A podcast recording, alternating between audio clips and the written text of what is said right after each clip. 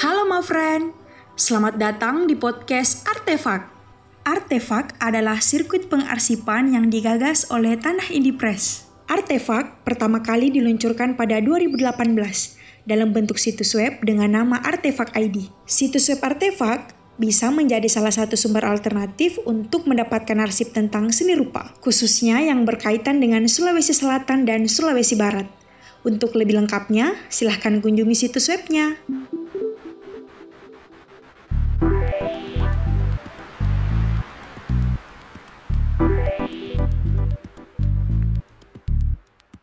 Oke,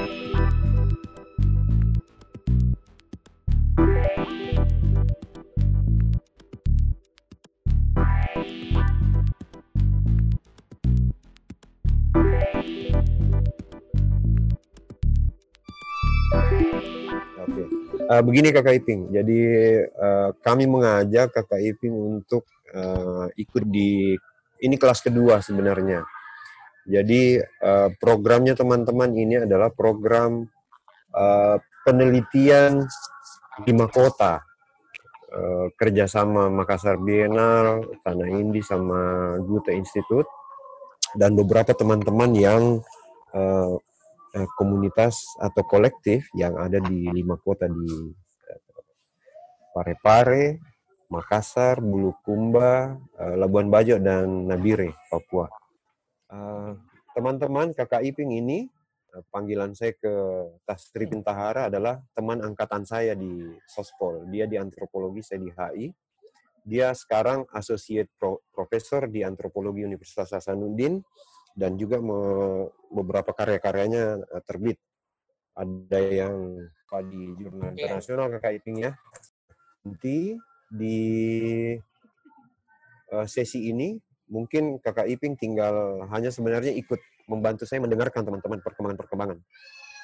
Jadi skapur siri itu uh, perlu saya jelaskan uh, sebenarnya hanya menyebut Eh, memudahkan penyebutan tentang tradisi obat-obatan tradisional, baik uh, yang tradisi pengobatan uh, tradisional, baik yang dalam bentuk mengkonsumsi herbal atau obat-obatan atau rempah-rempah tertentu, atau sampai pada laku atau gerakan, gerakan yang mungkin repetitif atau gerakan yang dilakukan seseorang untuk menyembuhkan uh, seseorang yang sedang disebut uh, sedang sakit. Nah, teman-teman ini di lima kota sedang meneliti itu. Nah, kemudian uh, minggu lalu, selama minggu-minggu sebelumnya, uh, kita meminta teman-teman untuk mengecek di daerah pantai, di daerah perkotaan maupun di daerah pegunungan, bagaimana karakter-karakter itu gitu karakter-karakter yang sudah disebut tadi tentang bagaimana cara uh, pengobatan uh, masyarakat kita di lima kota ini. Juga perlu saya kenalkan bahwa meskipun kita sebut lima kota, sebenarnya saya kemarin mengajak uh, Firdaus AR dan kawan-kawan di Pangkep untuk turut serta dalam begitu membuka kemungkinan dan kesempatan belajar bareng. Uh, kita mulai ke Pare-pare?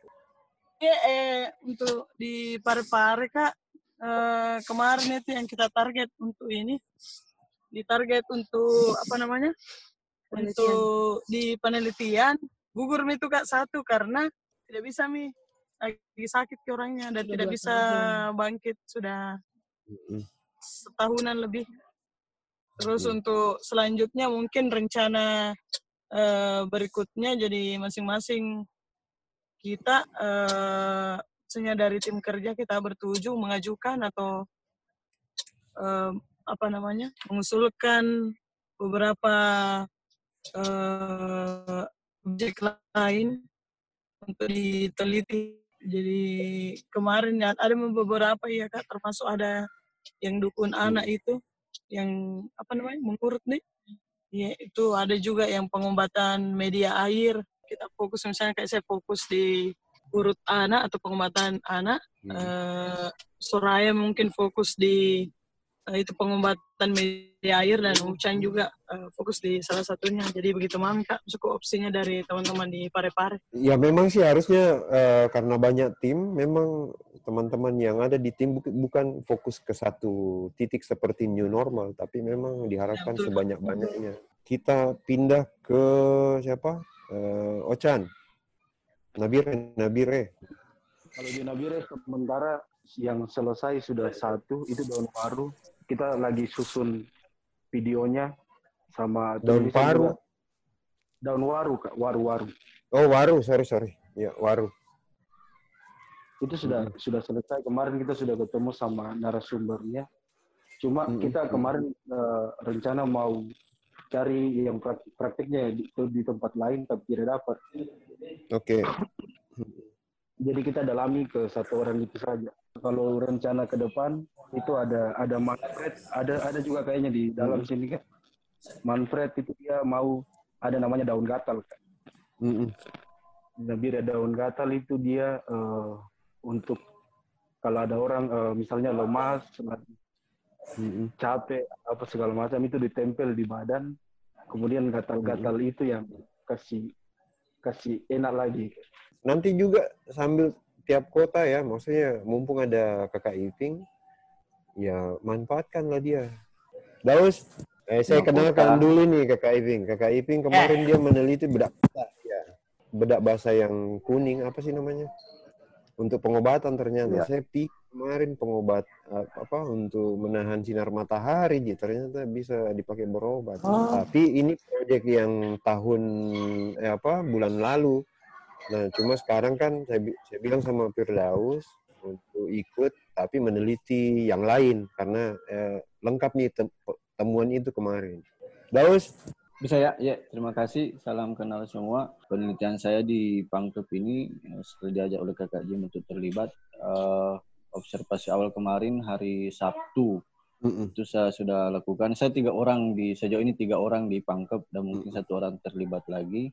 Hmm. Sejauh ini kami fokus pada satu pengobat tradisi. Itu hmm. fokusnya dia uh, dia dia mengurut uh, yang diurut itu misalnya anak hmm. yang dalam bahasa Makassar itu mula jajinya yang di pusar itu bahasa bergeser atau misalnya perempuan habis melahirkan uh, untuk mengembalikan kondisi tubuhnya ternyata di berat bahasa itu kan kemarin waktu saya ternyata berat bahasa bisa juga dipakai untuk bikin kasar. Nah ternyata ini saya temukan lagi uh, uh, pengobat ini ternyata juga mengobati yang bingkasa itu perempuan yang habis melahirkan yang kondisi tubuhnya menurun. Ternyata diurut juga sama uh, apa namanya uh, Santo ini namanya Rosdiana. Tapi dia di daerah Pangkep itu di Bontopok, Bontopiara. Oh sip, oke. Okay.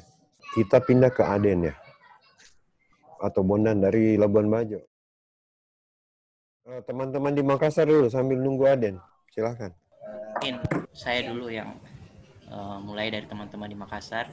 Uh, tadi siang saya ke lapangan uh, di Manuruki uh, bertemu dengan uh, salah satu narasumber yang uh, sebenarnya hari ini saya menemui dua orang gitu, yang uh, mempraktikkan pengobatan uh, tradisional. Nah, saya datang pertama di Manuruki itu uh, tadi bertemu dengan namanya Pak Erwin. Jadi sejak dulu sebenarnya uh, ibunya itu uh, seorang peramu obat dia dia bilang peramu obat tapi ibunya sudah meninggal nah pengetahuan meramu obat itu uh, diajarkan ibunya ke ini Pak Erwin umurnya sekarang 54 tahun sebenarnya ini uh, saya sudah ketemu sebelumnya waktu penelitian jaring herbal.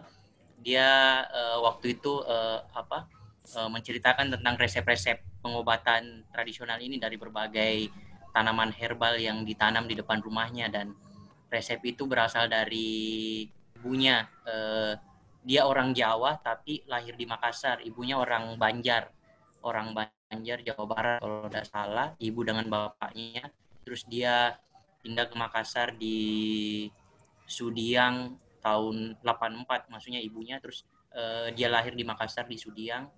Dan uh, katanya dia punya ini punya buku kitab pengobatan herbal dari ibunya. Tapi tadi dia belum sempat kasih lihat ke saya karena uh, dia hanya punya waktu sedikit 15 menit tadi. Saya hanya bisa ngobrol dengan dia.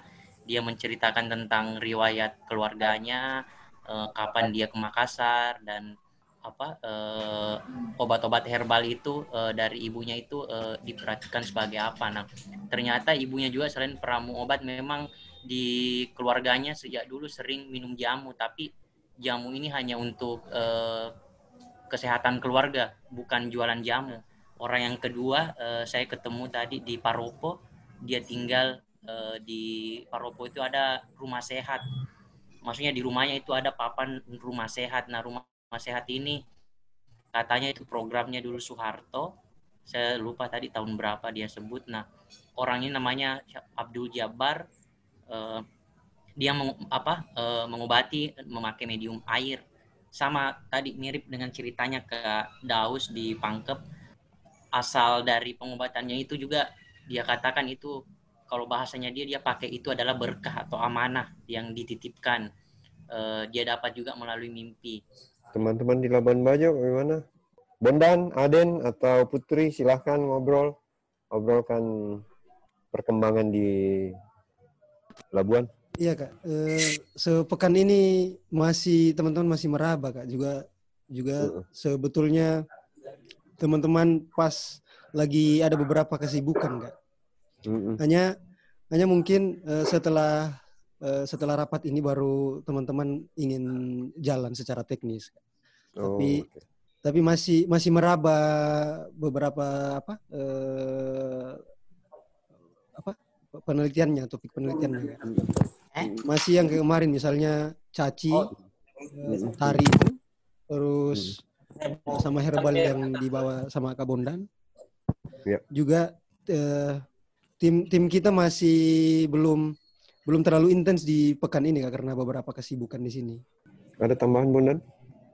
Oke, jadi uh, ini Kak Jim, kalau untuk yang dari tahap satu, kalau kumpul intens pekan ini uh, pribadi uh, tetap jalan. Saya sendiri mm -hmm. lebih fokus kemarin ke soal Shopee itu. Nah, ada mm -hmm. uh, sudah ada beberapa narasumber sebenarnya, cuman belum sempat ketemu narsumnya. mm-hmm. Tapi kalau mencari mencari narsumnya sudah ada beberapa sih kak. Cuman ya, belum sempat masuk ke itunya. Eh, Bulukumba, Muhammad Haritsa. Iya, silahkan. Perkembangan Bulukumba bagaimana teman-teman di sana?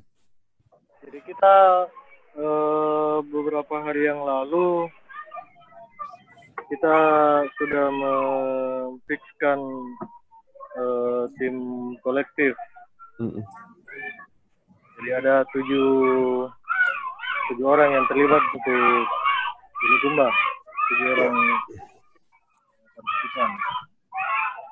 Nah, rencana ini sehabis ini kita mau uh, kumpul dan diskusi. Mm -hmm. uh, uh, rencana kita mulai jalan besok juga, Kak. Mm. Jalan ke responden pertama, tapi masih di sekitaran kota. Yeah. Kita mulai di uh, kota dulu, karena hubung kesibukan kawan-kawan ini sangat padat-padatnya. Begitu kak, kalau Bulukumba. Oh, sip, sip. Teman-teman yang lain sudah semua ya? Makassar, uh, Bulukumba, Labuan Bajo, Nabire. Eh, saran saya ke teman-teman, nah, hmm. kalau masuk dalam praktek pengobatan itu kekuatan kita di, di pengamatan. Kadang kita itu kalau misalnya saya minta maaf ya, misalnya ada ada ada misalnya penelitinya Islam. Kalau dia sudah melihat medianya itu dengan pakai Al-Quran, dia sudah menjadi tidak terlalu ingin tahu lebih dalam lagi. Oh iya iya iya. Dia sudah menganggap misalnya ayat-ayat Al-Quran itu betul-betul sudah iya, karena iya, iya. dia tidak bisa keluar dari dirinya seorang Islam itu sehingga hmm apa betul enggak ini tadi hmm. kita melihat sebuah fenomena itu kita bisa ambil bahwasanya betul enggak ini hmm. ini ini mengobati atau tidak. Nah, tadi eh, yang perlu diperhatikan itu tadi teman-teman sudah menyebut memang ada dalam praktek pengobatan itu sebenarnya dari mana sumber pengetahuan itu. Sumber pengetahuan tentulah kita melakukan eh, mengorek atau melakukan wawancara seputar eh, pengalaman atau sejarah orang yang melakukan pengobatan itu. Dalam hal ini tanda kutip dukun atau apalah sandro hmm. dan sebagainya. Hmm. Nah, kemudian biasanya itu hampir semua orang eh, pada praktek-praktek sandro itu selalu menyebut pengantarnya itu lewat mimpi atau bisikan. Oh, Oke. Okay. Nah, hampir semua itu seolah-olah mistifikasi pengalaman-pengalaman yang itu menjadi alat legitimasi saja. Oke, okay, oke, okay, oke. Okay. Legitimasi dia bahwasanya ini loh, saya melakukan ini. Tapi di situlah dilihat perlu perlu kedalaman teman-teman juga ketika hmm. mereka menyebut mimpi perlu digali hmm. di situ sebenarnya. Hmm. Perlu digali kapan, bagaimana, mimpinya seperti apa, kemudian hubungannya dengan pengobatan yang dia lakukan. Kan biasanya hmm. teman-teman hmm. langsung terhenti di situ. Tidak ya, akan ya takjub ya mendalami lagi ya takjub kita dengan apalagi dia sudah cerita hal-hal yang mistik kita tidak tidak hmm. tidak kadang menjadi bias terlena dengan nah yang kedua itu media yang digunakan hmm. peralatan hmm. peralatan tadi ada air ada daun ada hmm. siri ada ada bisa juga air liur atau bagaimana bagaimana banyak ada kayu tergantung apa di situ juga sebenarnya di situ juga kalau ada medianya eh kita bisa selain dengan pendekatan emik juga misalnya kita hubungkan sebenarnya apakah daun ini kalau kita kaitkan dengan eh, pengetahuan misalnya yang etik seperti kedokteran atau farmasi apa ada hubungannya dengan penyakit tertentu itu hmm. juga menjadi masukan dari saya. Jadi ketidaktahuan orang yang mengobati kan mereka hanya hanya berdasarkan pengalaman-pengalaman saja bahwasanya yeah. dia sembuh. Yeah. Tapi tugas kita di sini peneliti jangan-jangan memang ada ada keterkaitan antara hmm. daun atau media tersebut dengan hmm. jenis penyakit yang sedang diderita. Tadi yeah. nah di di banyak di dalam studi-studi antropologi kan sebenarnya mau media pakai air pakai apa itu kan sebenarnya secara etik ya. Mm -hmm tidak tidak signifikan mengobati. Oh. Tapi yang diobati sebenarnya jiwanya. Oke. Okay. Ada ada ada psikologis yang hmm. yang ketika kita datang saya akan sembuh ke situ. Hmm. Itu itu itu hmm. itulah yang menghubungkan sebenarnya dalam ilmu antropologi hubungannya antara eh, ilmu-ilmu eh, antropologi kesehatan. dengan yang membedakan ya kesehatan. Hmm. Mau FKM, mau yeah. farmasi, mau. Yeah. Nah, Kemudian tadi ada media, ada eh, praktek pengobatan, bagaimana dia lakukan, diurutkah, atau dipukul-pukul, atau hanya ditiup.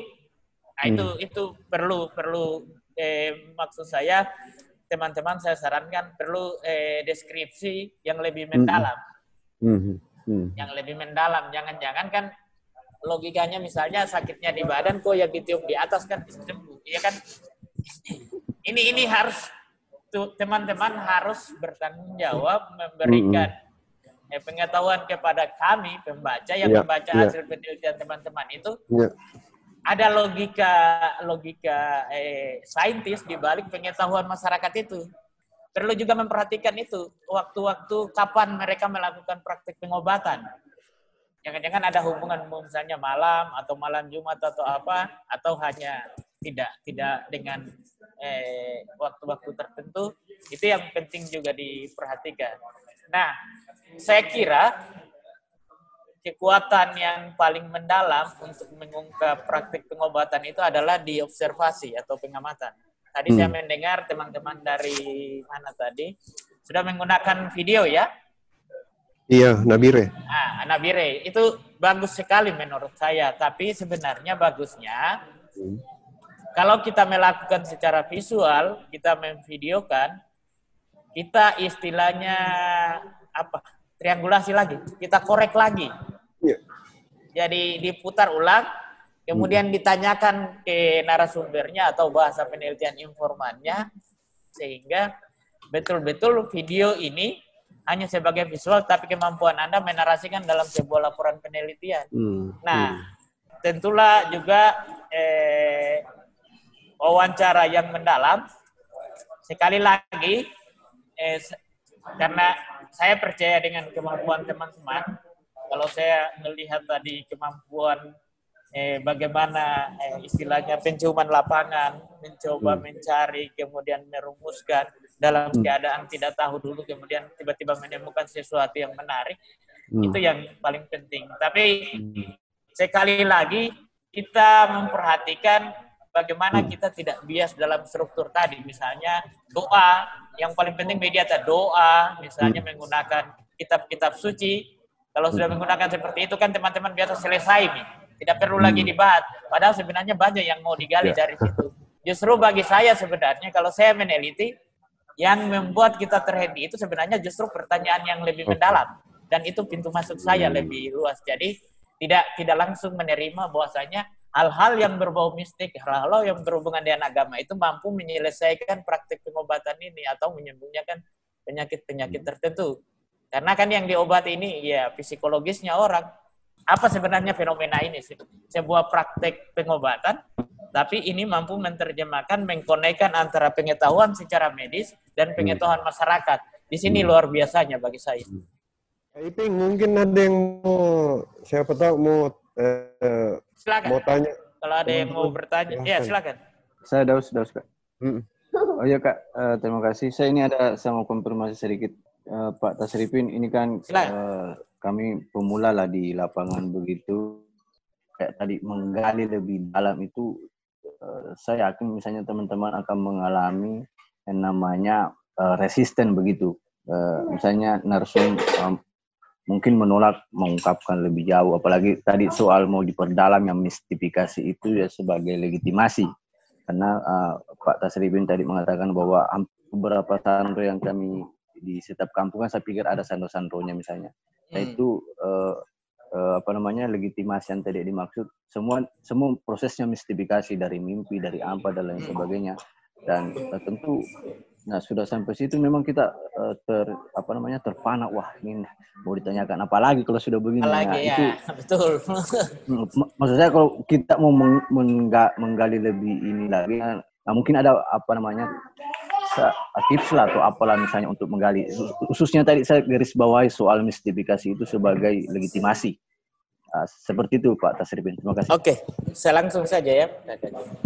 Terima kasih pertanyaannya. Memang eh, hal-hal seperti itu memang eh, yang menyebabkan kita kadang kalau orang kalau peneliti yang tidak terlalu penasaran atau tidak terlalu mau mendalam, sepertinya menganggap ini sudah selesai. Kalau kita dapat kasus-kasus seperti itu, sebenarnya kita bisa menanyakan, menghubungkan sudah berapa apa-apa mimpinya, kemudian eh, siapa-siapa yang pernah dia kita coba mengkorek success story. Karena sebenarnya informan juga itu kalau diposisikan sebagai tempat kita berguru. Sekali lagi teman-teman jangan mendikte tempat berguru dan memposisikan dia di atas, pasti dia akan cerita. Karena kalau kita misalnya menyebut misalnya success story dengan cerita-cerita itu, pasti dia akan juga bercerita. Sebenarnya saya ini bukan orang sembarang loh. Nenek moyang dulu punya kekuatan-kekuatan ini. Itulah yang saya bilang tadi, eh, bagaimana kita memposisikan dalam relasi kita dengan pengobat ini. Jadi eh, kita bisa mungkin menanyakan eh, seperti apa mimpi-mimpi-mimpinya dan kapan berlangsung, apakah itu sudah berlaku pada eh, sebelum dia generasi keberapa, kemudian eh, apa hubung, eh, bagaimana dia praktekkan dalam pengobatan. Misalnya kalau dia sakit ini, tiba-tiba dia mimpi seperti ini, mungkin berdasarkan sukses story-nya dia. Ingat, artinya maksud saya, pengalaman dia menyembuhkan. Dia akan senang itu sebenarnya. Sebenarnya informan itu kalau kita mampu berada seolah-olah seperti dia dan mengungkap sejumlah hal-hal yang menjadikan kebanggaan dia, di situ kemampuan kita menghubungkan tadi hal-hal yang eh, sakral atau keramat yang tidak bisa diungkap itu itu menjadi sebuah sebuah kekuatan bagi kita. Ada pertanyaan? Yang lain, teman-teman? Uh, baik, uh, perkenalkan kan nama saya Regina. Nah, uh, penelitian yang saya lakukan ini terkait dengan khasiat dari tanaman-tanaman herbal seperti itu yang sudah uh, artinya tanaman ini tumbuh secara alami di hutan Toraja. Dan uh, narasumber atau informan saya adalah seorang ibu namanya Ibu Agustina dan saya berencana menambahkan beberapa informan yang bisa menguatkan uh, dugaan saya tentang uh, khasiat dari uh, tanaman atau daun dedaunan herbal ini. Di antaranya itu adalah daun tina, daun sarambualo, daun riubosi, daun sualang, dan juga ada daun pinahong. Saya mencari apakah di kampung itu ada sandro atau dukun seperti itu. Namun menurut uh, penuturan beliau bahwa sekeluarga atau sanak saudara yang tinggal di uh, Pangden atau di kampung itu tidak lagi mempercayai pengobatan yang dilakukan oleh dukun. Apalagi saat ini tidak ada lagi dukun yang tersisa di kampung karena sudah meninggal semua. Anak-anaknya pun itu tidak ada yang melanjutkan profesi orang tua.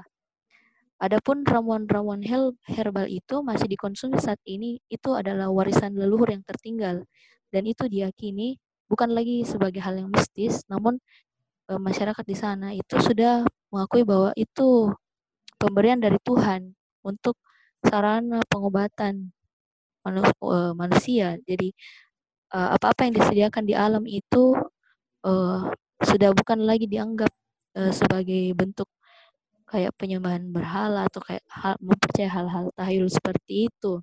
Namun tentu saja uh, ini perlu dibuktikan seperti yang uh, sempat dibahas tadi bahwa harus ada pembuktian secara medis bahwa e, betulkah e, dedaunan itu bisa menyembuhkan. Apa ya? Dia tidak ada dibilang apa? Tidak dibaca-bacai. Hampir tidak ada hal mistis yang dia diberi yakin seperti itu, tidak diyakinkan seperti itu.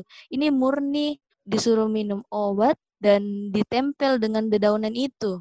Jadi e, mungkin dari hasil ini apakah mungkin bisa apakah harus e, ini dibawa daunnya ini untuk diteliti di laboratorium secara mendalam atau saya cukup sebatas mengungkapkan ini saja tidak tidak perlu di sampai uh, ini harus dibawa ke lab dan diperiksa begitu. Eh, terima kasih Regina. Itulah yang saya saya juga sebenarnya kalau di kalau kita di di antropologi sebenarnya penelitian Regina ini sudah masuk dalam kajian-kajian etnofarmakologi Okay. Artinya bagaimana kita menggambarkan eh, praktek eh bukan praktek tapi obat-obat tradisional ya yang bersumber dari eh, tumbuh-tumbuhan atau yang ada di pada satu komunitas atau suku bangsa tertentu. Nah, yang men, yang kalau hanya dalam dalam dalam konteks eh, kita di ilmu-ilmu humaniora dan ilmu sosial sebenarnya dengan mendeskripsi saja daun, batangnya, pohonnya, kemudian bagaimana dia obati, ditumbuhkan, minum airnya atau itu sebenarnya sudah sudah menjadi hal yang menarik. Yang penting deskrip, eh, deskripsinya tuntas. Kemudian eh apa nama daunnya? Kemudian nama daunnya ya tidak apa-apa. Berdasarkan pengetahuan orang Toraja. Nah, yeah kan hasilnya dia sembuh. Ada ada cerita sembuh dan mungkin success story malah. Success story malah. Dan memahami ya. bahwasanya ya memang ini eh, daun punya khasiat. Nah, sebenarnya itulah yang saya lebih sepakat juga sebenarnya daripada kita karena ini hanya sifatnya eh, pengetahuan lokal Artinya bersumber dari dari leluhurnya, kemudian mereka praktekkan dan sembuh. Itu sebenarnya coba kita combine dengan yang bersifat etik tadi, yang saintis. Tapi sebenarnya ya. perlu diingat, perlu diingat. Orang saintis juga sebenarnya belajar dari yang lokal ini. Iya. Perlu. Makanya penting deskripsi ya. Iya, yang penting deskripsi sebenarnya dan dia sembuh dan bagaimana diminum kapan, berapa kali sehari. Dan di situ bisa diukur kandungannya. Hmm. Kalau mau hubungkan dengan misalnya saintis yang sifatnya farmasi di ilmu-ilmu eksakta, itu lebih bagus lagi. Tapi sekali lagi, sekali lagi sebenarnya kadang itu saya menggugat ilmu-ilmu saintis itu jangan-jangan dia itu belajar dari masyarakat itu. Di antropologi itu eh, dulu orang menganggap eh, penelitian itu kita sebenarnya selain mengungkapkan sebuah fenomena kebudayaan di masyarakat, tapi sebenarnya kita punya tanggung jawab moral. Bagaimana mengangkat harta eh, martabat mereka. Itu menjadi artinya eh, bagaimanapun mereka, mereka itu adalah bagian terpenting dalam hidupnya. Tidak ada salahnya kita mengapresiasi. Ingat, jadi kita juga sebenarnya meneliti itu kadang tidak terlalu apa ya? Kita ego, kita merasa yang benar, padahal sebenarnya dari masa ke masa kita saling melengkapi. Bagi saya, meneliti hal-hal seperti ini, ini menjadi tantangan tersendiri. Pertama, kendalanya itu biasa, karena berhubungan dengan bisnisnya orang. Jangan sampai, ya, jangan sampai dia akan membuka resep-resep itu, kita mematikan usahanya. Di sisi lain kan, ini kan kita tidak kita menganggap sebuah praktek pengobatan itu sebagai sebuah institusi ekonomi juga. Kalau dilihat dalam satu anu ya, sebagai institusi ekonomi, kalau kita sudah misalnya mengungkapkan mereka kan kasihan kita kita kita ambil rezekinya orang. Padahal sebenarnya kita ini pure, pure dalam konteks hanya sebagai sebuah buku. Di situlah tadi hubungannya antara hal-hal yang mistik dengan siapa yang mengobati itu. Ada juga yang saya mau tanyakan ke Kakak Iping. Selain success story yang mungkin juga menjadi kisi-kisinya teman-teman selama nanti penelitian adalah mungkin selain success story biasanya indikator-indikator atau elemen apa yang membuat satu ilmu ilmu pengetahuan seperti yang ada sekarang di warga mengenai pengobat-obatan itu menjadi bertahan jadi saya kira juga uh, bakal uh, apa men menjadi bekal buat teman-teman di lapangan beberapa elemen-elemen ini ya. Elemen berbicara elemen-elemen berarti kita melihat secara holistik atau secara keseluruhan, tidak terpisah-pisah. Okay. Dalam arti begini, kalau dia hanya eh, berhasil me menyembuhkan sesuatu, kita melihat pasti ada komponen-komponen yang lain. Bisa apakah hubungan daun itu dengan aspek ekonomi, kemudian ekologis, kemudian sistem religi, kemudian hmm. eh, tadi ekologis, sistem ekonomi, religi itu paling penting karena di banyak komunitas daun-daun itu menjadi media untuk ritual upacara-upacara tertentu juga yang menghubungkan. Jadi oh, di masa lampau. Jadi selain dia berhasil hmm. sebenarnya, mengapa mengapa praktik ini terus menerus ada? Mungkin variabel-variabel ekonomi, hmm. religi dan eh, ekologi hmm. itu mendukung bertahannya eh, satu daun atau tanaman tertentu sehingga dijadikan obat. Oke. Okay. Ya, ya, kayak kelapa kan kelapa, kelapa juga. Hmm. Kelapa muda kalau kasumbatur yang ditaruh di atas juga orang orang percaya itu air kelapa padahal air kelapa banyak menyembuhkan banyak penyakit, bukan cuma kasus hmm. baturate yang ditaruh di atasnya. Hmm. Ya kan?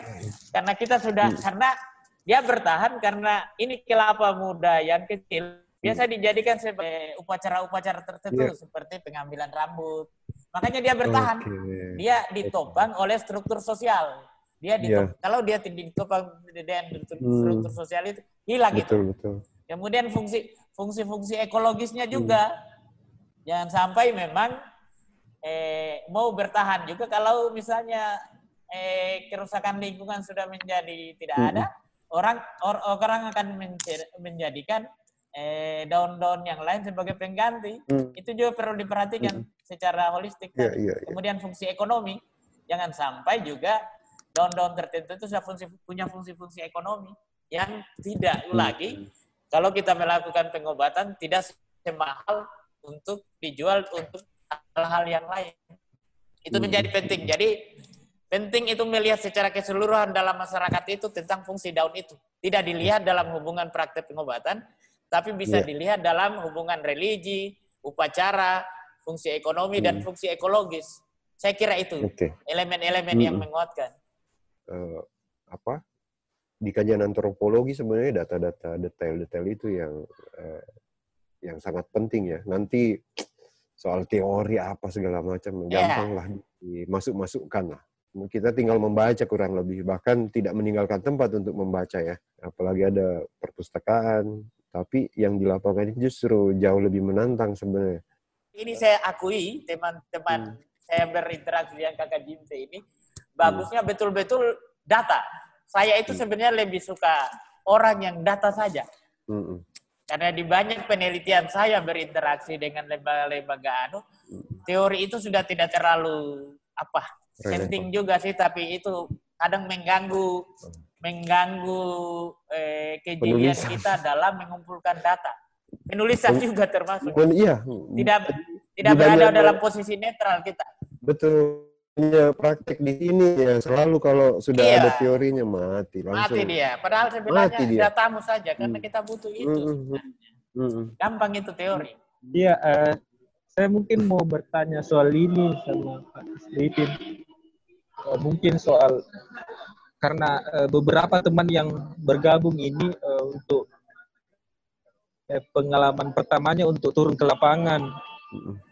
Nah, uh, itu yang menjadi tantangan. Uh, misalnya coba uh, karena selain akan jadi tulisan nanti kan ada uh, dokumentasi foto dan video. Uh, adakah saran uh, dari kata Sripin uh, soal ya pendekatan-pendekatan yang kami pakai untuk turun ke lapangan sebelum membuka pembicaraan lebih jauh.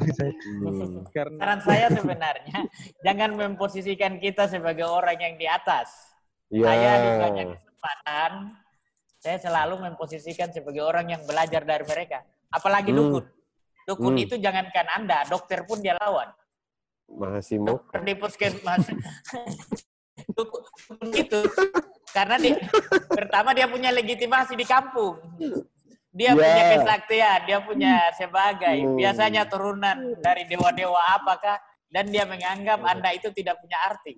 Yeah. Jadi yeah, tidak ada salahnya kita kita mengapresiasi mereka.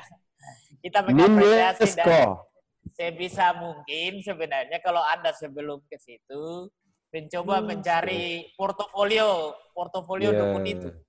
Ya. Apa-apa yang pernah dia lakukan sehingga Betul, ya. kita bisa masuk mencerita kesuksesan dia mancing hmm. misalnya. Ternyata ibu yeah. dulu yang menyelamat yang menolong ini kini pasti dia tidak tidak puji tahu di dipuji lah iya. apresiasi tadi ya sebenarnya kata kunci mengapresiasi hmm. Tidak hmm. ada salahnya manusia itu. Manusia butuh Oh, itu tadi yang memang saya lupa perjelas kayak itu apresiasi. Maksudnya lebih detailnya bagaimana ya? Itu tadi ternyata dipuji. Ya. Macam, ya. Kita kita mencoba eh, mencari tahu portofolio dia dan hmm. eh, di awal-awal pembicaraan kita semacam membacakan CV kesuksesan dia. ada pertanyaan yang lain, teman-teman? Kalau tidak kita cukupkan, saya kira Kak Iping juga uh, siap, siap. butuh istirahat. Ya. Ya. Saya Kak Iping terima kasih ya. Terima saya, kasih banyak. Terima sudah. kasih banyak ini sudah belajar. Saya berharap ya ini kesempatan yang sangat besar bagi saya buat teman-teman. Apalagi eh, teman-teman mampu mengoleksi sejumlah catatan ini sudah etnografi bagi saya berkenaan mm. dengan praktik pengobatan pada suku-suku bangsa tertentu di Indonesia. Mm.